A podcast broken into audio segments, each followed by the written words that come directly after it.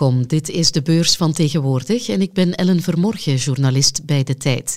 In deze aflevering hebben we het over trackers, passieve beleggingsfondsen die erg in trek zijn bij de nieuwe generatie beleggers. Maar zijn ze ook beter dan fondsen met een heel team experten in dienst? Of kies je toch maar beter lekker zelf je aandelen? Het antwoord hoor je in deze aflevering van de beurs van tegenwoordig.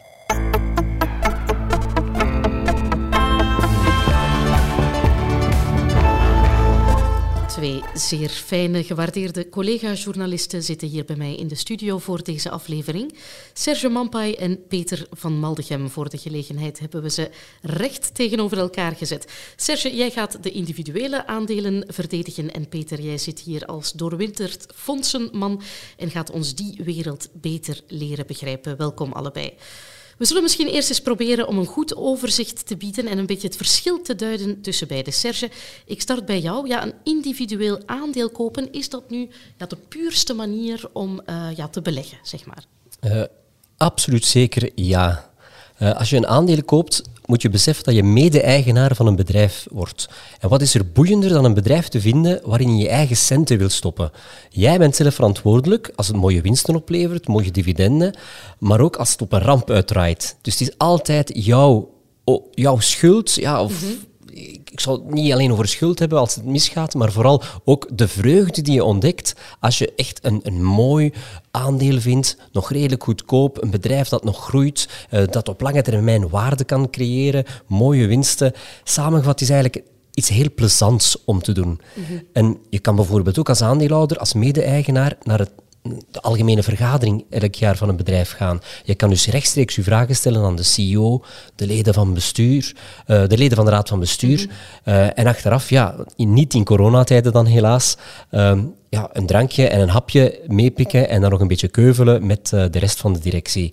Je moet wel weten natuurlijk, uh, als je een aandeel gaat kiezen, wat het bedrijf doet, ja, hoe staat het ervoor, waar gaat het heen, waar komt het vandaan. Die geschiedenis wordt vaak eens vergeten, want uh, ja, men zegt altijd, uh, de geschiedenis herhaalt zich nooit, maar het rijmt wel. Dus uit het verleden van een bedrijf, uit de prestaties van de voorbije 10, 20 of zelfs 30 jaar, kan je heel veel leren over de toekomst. Ja, dus het komt er dus ook wel op aan om je huiswerk te maken, maar dat gevoel dat je omschrijft van, van trots, dat erken ik ook wel en dat uh, merk ik ook, denk ik, in mijn eigen portefeuille wel, dat je echt meeleeft met je bedrijven uh, die je koopt en dat je een soort ja, gevoel van mede-ondernemer te zijn, iets wat je toch minder hebt, Peter, uh, vergeef mij, met fondsen, of zie ik dat verkeerd?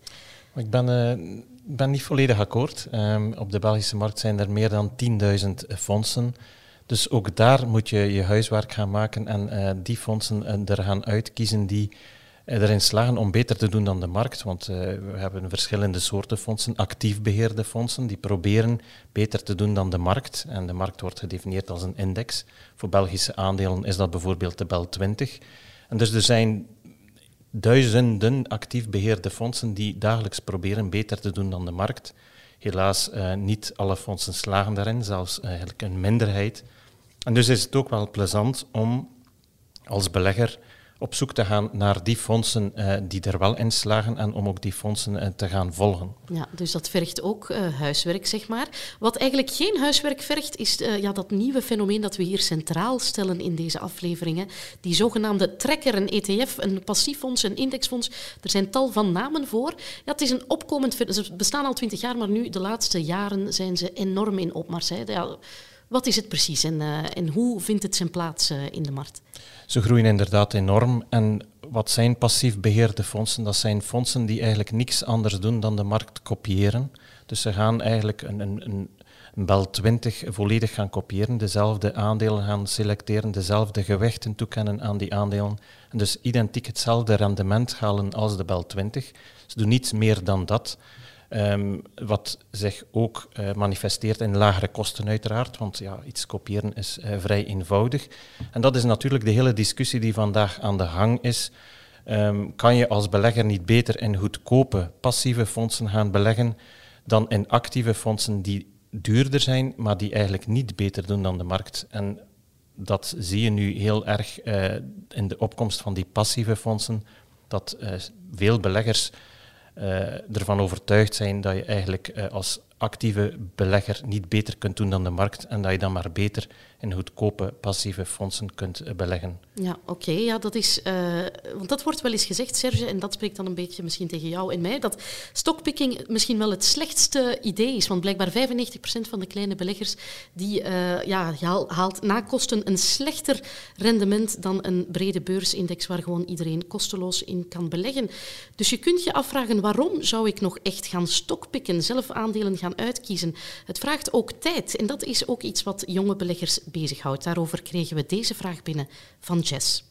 Hey, ik ben Jess. Ik ben 26 jaar oud en door mijn job heb ik een redelijk drukke agenda. Ik wil wel starten met beleggen en ik vind het idee om zelf bedrijven uit te kiezen, om in te investeren, ook wel fijn. Maar ik denk dat ik gewoon de tijd niet ga hebben om dat allemaal op te horen. Kijk ik dan beter naar fondsen. Ja, kijkt uh, Jess, die 26 is, beter naar fondsen gezien haar drukke agenda. Ik vraag het misschien eerst aan jou, Serge. Is het echt zo tijdrovend om heel actief uh, die aandelen, dat huiswerk te gaan maken, echt actief die stocks, uh, die aandelen te gaan uitpikken? Uh, wel ja en nee eigenlijk. Je moet daar een, een beetje een gespreid antwoord op geven. Uh, als je bepaalde aandelen kiest die al bewezen hebben dat uh, je, je, ze decennia kunt bijhouden, zogeheten pensioenaandelen, en die zijn er wel degelijk, dan moet je eigenlijk weinig zorgen maken. Ik denk dan in de eerste plaats bijvoorbeeld aan de vele holdings uh, die er noteren. In Brussel heb je bijvoorbeeld holdings zoals Sofina van uh, de familie Boel, Brederode van de familie van der Mersch, nog Akkermans en Van Haren bijvoorbeeld. dan kan je eigenlijk redelijk gerust slapen, want dan hang je je karretje aan beleggers die bewezen hebben dat ze het veel beter kunnen doen dan de markt. Het gaat vaak om familiaal geleide bedrijven. De familie Boel bijvoorbeeld, ja, voor hen is het dividend heel belangrijk. Zij moeten hun kastelen verwarmen met dat dividend. Dus je bent bijna zeker dat er elk jaar bijna een hoger dividend komt. Zij bewezen dat ze dat kunnen. Uh, en met zo'n holding zit je ook automatisch heel gespreid. Een holding belegt in meerdere individuele bedrijven. Dus met één individueel aandeel beleg je automatisch in tientallen andere aandelen. En dat is toch een stuk veiliger dan, uh, dan veel andere bedrijven. Ik denk bijvoorbeeld aan een biotech-onderneming. Een biotechbedrijf, ja, dat moet je echt op de voet volgen. Als ze een medicijn ontwikkelen en er sterven meer mensen van dan er van genezen, ja, dan is het tijd om dat aandeel buiten te gooien. Maar je moet dat natuurlijk allemaal op de voet volgen. Dus voor biotechbedrijven, ja, daar moet je heel veel tijd in steken. In holdings niet. Dus ja, een beetje een duaal antwoord. Ja, dus die holdings die kan je gewoon gezellig laten staan en uh, je hangt je karretje aan een familie die al ja, naam gemaakt heeft. Ja, Peter, waarom zouden we dan toch nog naar fondsen moeten kijken als er zoiets als holdings uh, bestaat? Inderdaad, de spreiding is een, een, heel belangrijk element. Een beginnend belegger uh, die zal um, ja, niet de voldoende centen hebben om in 100 aandelen individueel te gaan beleggen. En dan is een gespreide portefeuille heel belangrijk. Maar ik denk dat je nog een stap verder moet gaan als beginnend belegger. De basis eigenlijk van een portefeuille is um, niet enkel aandelen, maar ook uh, obligaties, uh, eventueel een klein beetje grondstoffen, wat goud. En dan zou ik toch eerder neigen als, als eerste belegging voor een jonge belegger naar een gemengd fonds. Dat belegt zowel in aandelen als in obligaties, als in andere activa, vastgoed ook een, een deel. En op die manier heb je met een heel beperkt bedrag, en je kan dat eigenlijk al vanaf 100 euro, heb je eigenlijk een portefeuille die bestaat uit, uit, uit verschillende financiële instrumenten. En dat is eigenlijk een, een basis voor een portefeuille. Natuurlijk uh, groeit de portefeuille of groeit uw spaargeld of uw spaarboekje um, en wil je wat meer gaan beleggen, dan kan je natuurlijk uh, gaan zeggen ik ga bepaalde accenten in mijn portefeuille uh, gaan leggen. Ik ga naar individuele aandelen, naar holdings gaan kijken en zo verder. Maar ik denk als basis dat je met een gemengd fonds toch nog uh, uh, dat dat toch de basis moet zijn van, uh, van een portefeuille. Ik denk, ik denk wel net voor een hele jonge belegger mm -hmm. met een heel lange horizon, een heel lange termijnhorizon, dat het eigenlijk beter is om in aandelen te gaan beleggen. Want een gemengd fonds, ja, in obligaties, dat gaat niet veel opbrengen. Ja. Maar hoe langer je iets spreidt in de tijd, ja, hoe meer opbrengst je hebt. Dus hoe meer risico je je mag permitteren. Ook Absoluut, hoe meer risico je kan uh, nemen. Het beste voorbeeld bijvoorbeeld is uh, Berkshire Hathaway. Dat is een holding van de bekendste belegger ter wereld, Warren Buffett, een Amerikaan, een van de rijkste mensen ter wereld. En die heeft dat textielbedrijfje in uh, 1964 overgenomen en daar een holding van gemaakt. Nu, als je toen 1000 dollar in Berkshire had gestopt, bracht dat elk jaar 20% op. En dan kom je nu, in plaats van je 1000 dollar, kom je nu aan bijna 30 miljoen dollar. Het toont dus enorm de kracht van dat lange termijn beleggen aan. En dan heb je niet met een gemengd fonds, uh, als je een twintiger bent en je zegt van ja, ik ga een paar duizend uh, euro uh, beleggen op de beurs. Ja, dan zou ik toch eerder een holding aanraden of zelfs ja, defensieve individuele aandelen dan een gemengd fonds. Oké, okay, volg je die retoriek, Peter? Of, uh, Niet moeilijk? volledig. Deeltelijk heb absoluut, dat klopt. Een lange termijn horizon ben je beter af met aandelen. Er staan natuurlijk verschillende soorten gemengde fondsen, dynamische fondsen die meer dan 75% in aandelen zitten, maar waarbij je tegelijk toch nog een zekere spreiding hebt. Een beste voorbeeld zijn eigenlijk de pensioenspaarfondsen, uh, waarvan mensen zeggen dat moet je absoluut doen, want je hebt een fiscaal voordeel als je dat doet. Nu, die pensioenspaarfondsen, waaruit bestaat dat? Dat bestaat effectief uit 70% aandelen en voor de rest nog wat uit obligaties en wat vastgoed. Dus toch een gedeeltelijk gespreide belegging. Um, dus die hebben absoluut ook uh, hun waarde voor jonge beleggers. Oké.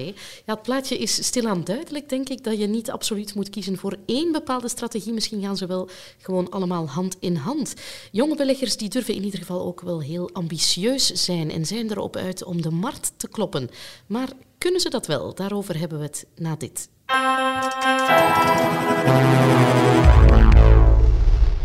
De tijd, 21 januari.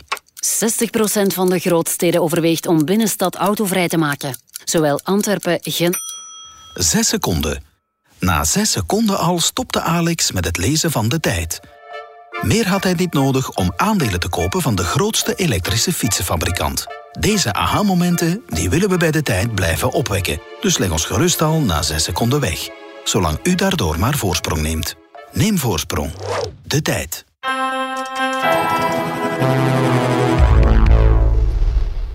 U herinnert haar misschien nog uit een vorige aflevering. We hebben toen kennis gemaakt met Charlotte, ex-professioneel pokerspeelster met sinds kort ook een eigen beursvlog. Zij stuurde ons ook nog deze vraag in. Mijn naam is Charlotte en ik vraag mij vooral af in welke mate wij als retailbeleggers ook smart money kunnen worden en eventueel indexen kunnen gaan uh, kloppen, uh, zoals bijvoorbeeld de S&P 500. Ja, heel wat dingen gehoord. Retailbeleggers, smart money. Kunnen kleine beleggers de grote powerhouses eigenlijk wel kloppen? Of hink je toch eigenlijk altijd een beetje achterop? Wat is uh, jouw mening, Serge? Wel, ik denk absoluut zeker dat kleine beleggers ook de markt kunnen kloppen. Maar ze moeten zich dan wel beschermen tegen zichzelf. Het grootste gevaar voor een gewone particuliere belegger is zichzelf. Uh, vaak wordt hij geleid door, uh, wat ze in het Engels uh, greed en fear noemen, dus hebzucht en angst. En dat heeft als gevolg van, ja, je ziet die markt, laten we zeggen 10, zelfs 20 procent zakken. En je begint je angst te krijgen dat je al je geld gaat kwijtspelen en je verkoopt ook. Vaak op het slechtst mogelijke moment. Als een markt corrigeert met 10, 20 procent, dat is eigenlijk perfect normaal. Zeker als het de beurs in het algemeen betreft en niet ja, wegens individuele problemen, uh, want je moet altijd natuurlijk individuele bedrijven blijven opvolgen. Ja, sla niet in paniek bij zulke correcties, maar ja, gebruik dan misschien eerder als een kans om bij te kopen. Tegenovergestelde, als een aandeel fors is gestegen, uh, begint bij sommigen een beetje de FOMO te spelen, de fear of missing out, en gaan ze aan die fors gestegen koersen toch nog bijkopen. Weer een slecht idee, mm -hmm. want je koopt dan aandelen die op dat moment populair zijn en heel duur zijn. Dus ja, probeer je een beetje te beschermen tegen het vele aan- en verkopen op de beurs, wat u trouwens altijd geld kost en uw rendement op lange termijn eigenlijk onderuit haalt. Oké, ja, Peter, dan schakel ik naar jou, want fondsen zijn misschien de manier om die emotie er gewoon uit te halen. Absoluut, en dat, uh, dat, bewijst, dat bewijst ook eh, de populariteit van de fondsenspaarplannen. Uh, de plannen waarmee je eigenlijk elke maand een beperkt bedrag in fondsen kunt storten. Dat is de ideale manier om emoties uh, uit te schakelen.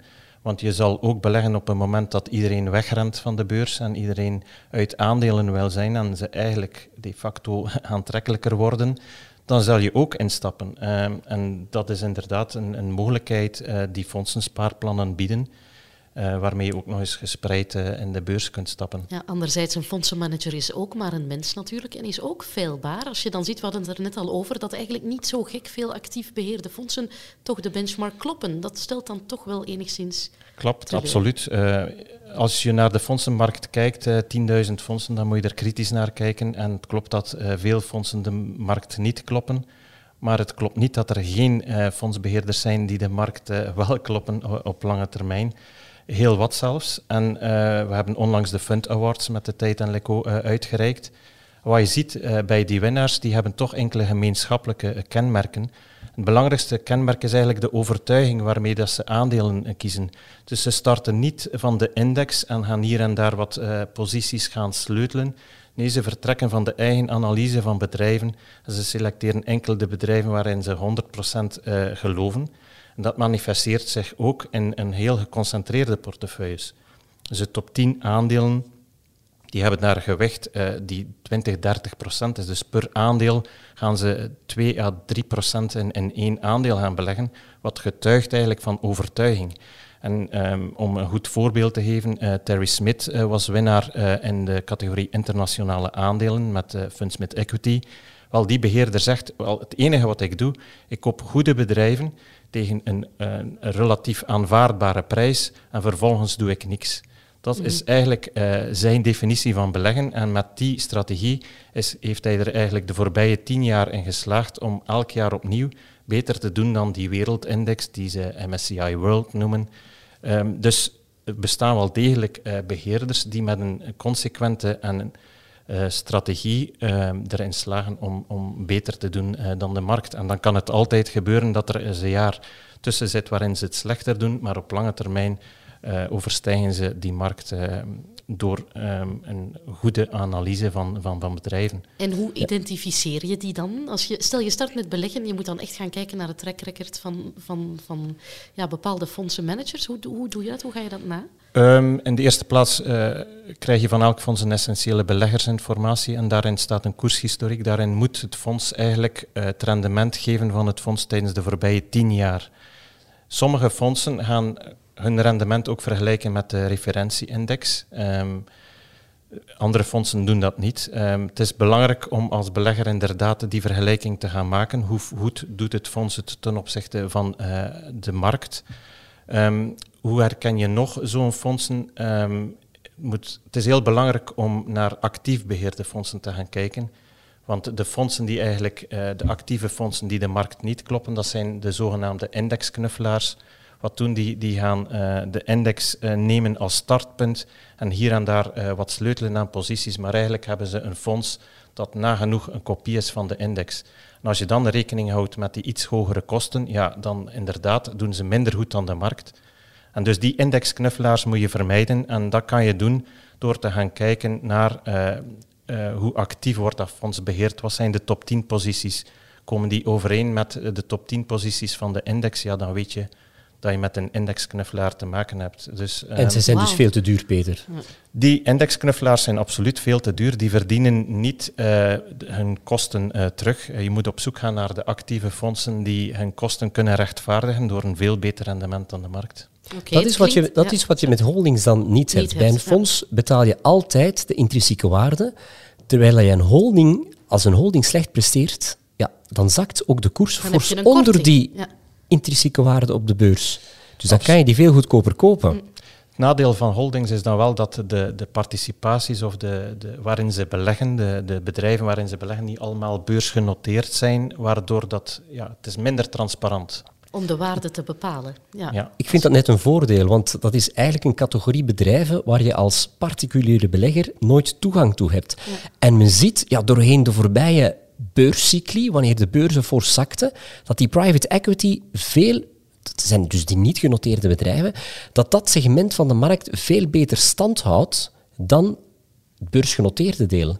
Dus je bouwt er ook weer een bescherming mee in. En het diversifieert nog. Dus ik zie dat eigenlijk als een voordeel van een holding. Zeker een holding uh, die veel in uh, private equity belegt, zoals een, een Bois Sauvage of een, uh, uh, Sofina bijvoorbeeld, of mhm. GIMF, de Vlaamse investeringsmaatschappij, belegt dan ook nog een groot deel in Belgische en Nederlandse bedrijven, dicht bij ons. Je steunt er dus de eigen economie mee. Ja, nog een extra dubbel voordeel. Peter, ik zie jou toch een beetje Nee, het enige wat ik er nog aan wil aan toevoegen is dat je net zoals bij uh, beursgenoteerde bedrijven, dat je ook bij private equity uh, soms zeebellen uh, kan zien um, en overgewaardeerde bedrijven. Dus daar is toch wel opletten geblazen. Dat is ook, ja, dat noopt tot behoedzaamheid. ja, ik heb een nieuw woord geleerd dankzij jou, indexknuffelaar. Het klinkt gezellig, maar het is toch iets om over op te letten. En dat leidt ons ook naar het derde luik in deze aflevering. Iets wat vaak over het hoofd wordt gezien, en dat zijn de kosten.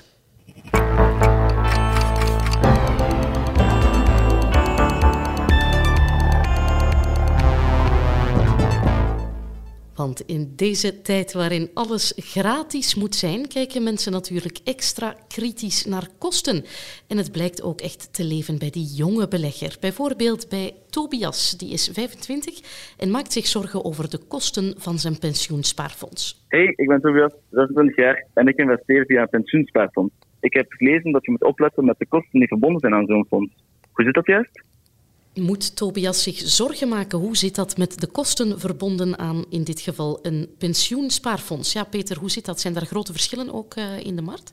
Dat valt op zich wel mee. Dus welke kosten, uh, waarmee moet je rekening houden bij een pensioenspaarfonds? Ten eerste de instapkosten.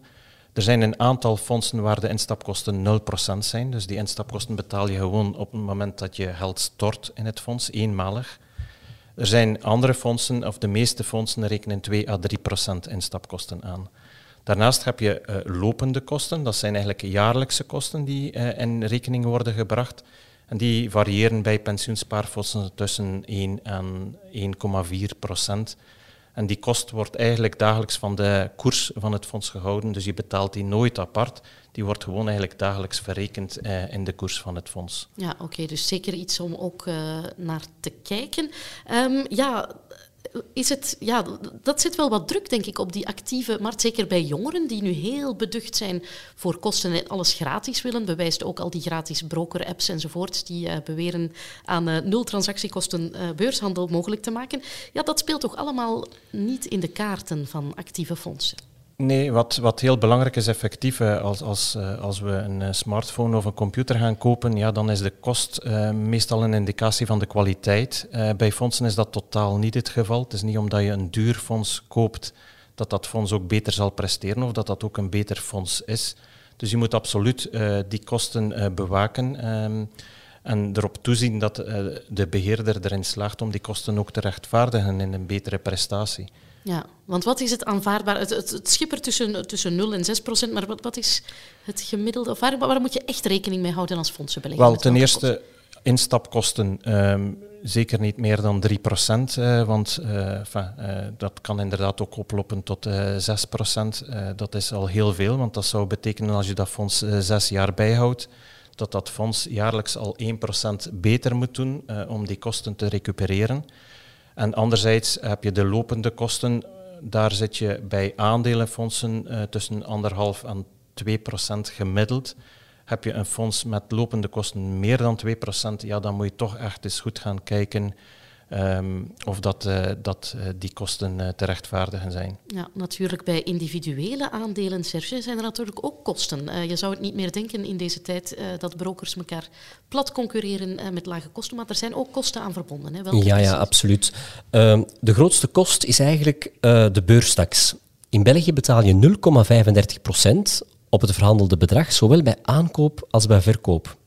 En dat is helaas het hoogste bedrag, het hoogste percentage in heel de wereld. Wauw, oei. De ja, belegger dus, is niet goed af dan? Nee, nee in België toch, uh, toch niet. Uh, politici bijvoorbeeld die stellen dat uh, beleggers weinig bijdragen ja, aan de begroting. Dat klopt helaas niet. Dat zijn, zijn een beetje populistische uitspraken. in sommige landen is dat zelfs volledig gratis, betaal je geen beurstaks. Um, de tweede kostprijs natuurlijk is je haalde het al aan, de commissie voor uw bank of uw broker. Um, als je in België een order doorgeeft bij een Belgische broker van ongeveer 2500 euro, dan betaal je daar toch minstens rond 7,50 euro uh, per transactie voor. Er zijn spelers, bijvoorbeeld in Nederland, het, de goedkope uh, broker De Giro, uh, ja, dat gaat tot minder dan 3 euro. Voor Amerikaanse aandelen is dat zelfs minder dan 1 euro. Maar je moet er dan ook de dienstverlening bijnemen. Zoals Peter al zei, ja, kwaliteit kost soms geld. Dat is bij brokers ook zo. Zeker gratis brokers zoals Bux, ook in Nederland.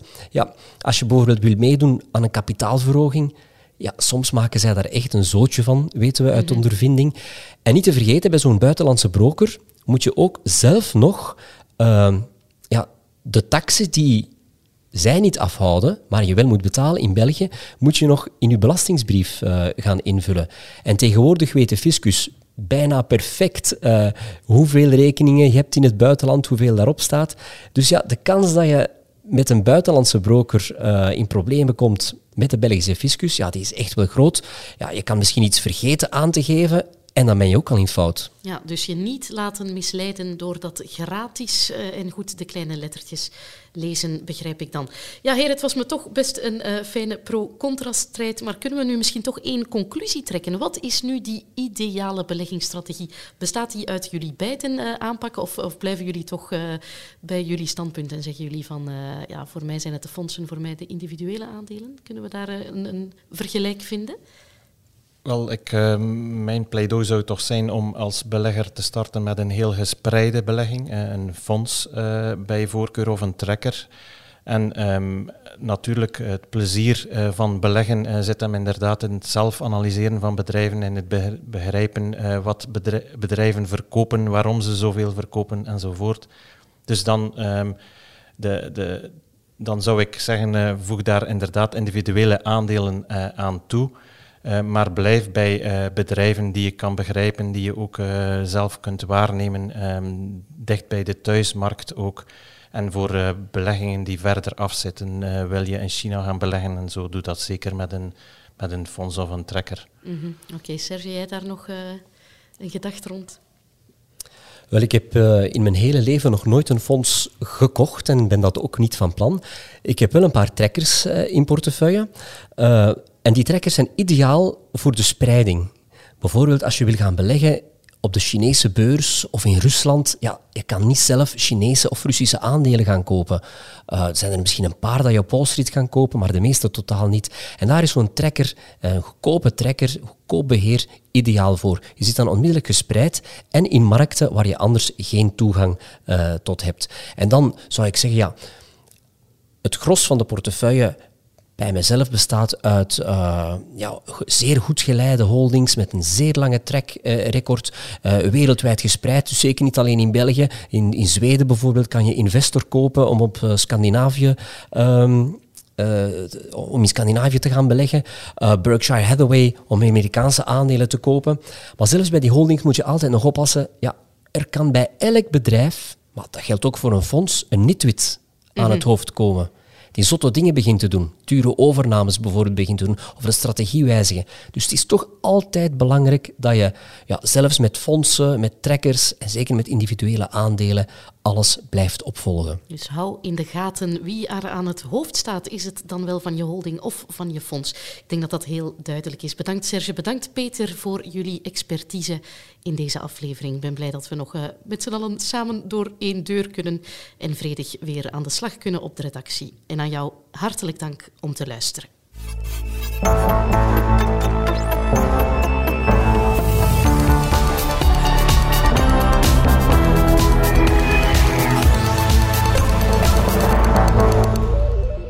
In de volgende aflevering van de beurs van tegenwoordig.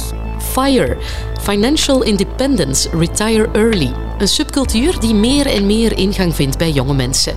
Met een geoptimaliseerde levensstijl en een uitgekiende beleggingsstrategie zoveel mogelijk investeren om lekker vroeg op pensioen te kunnen.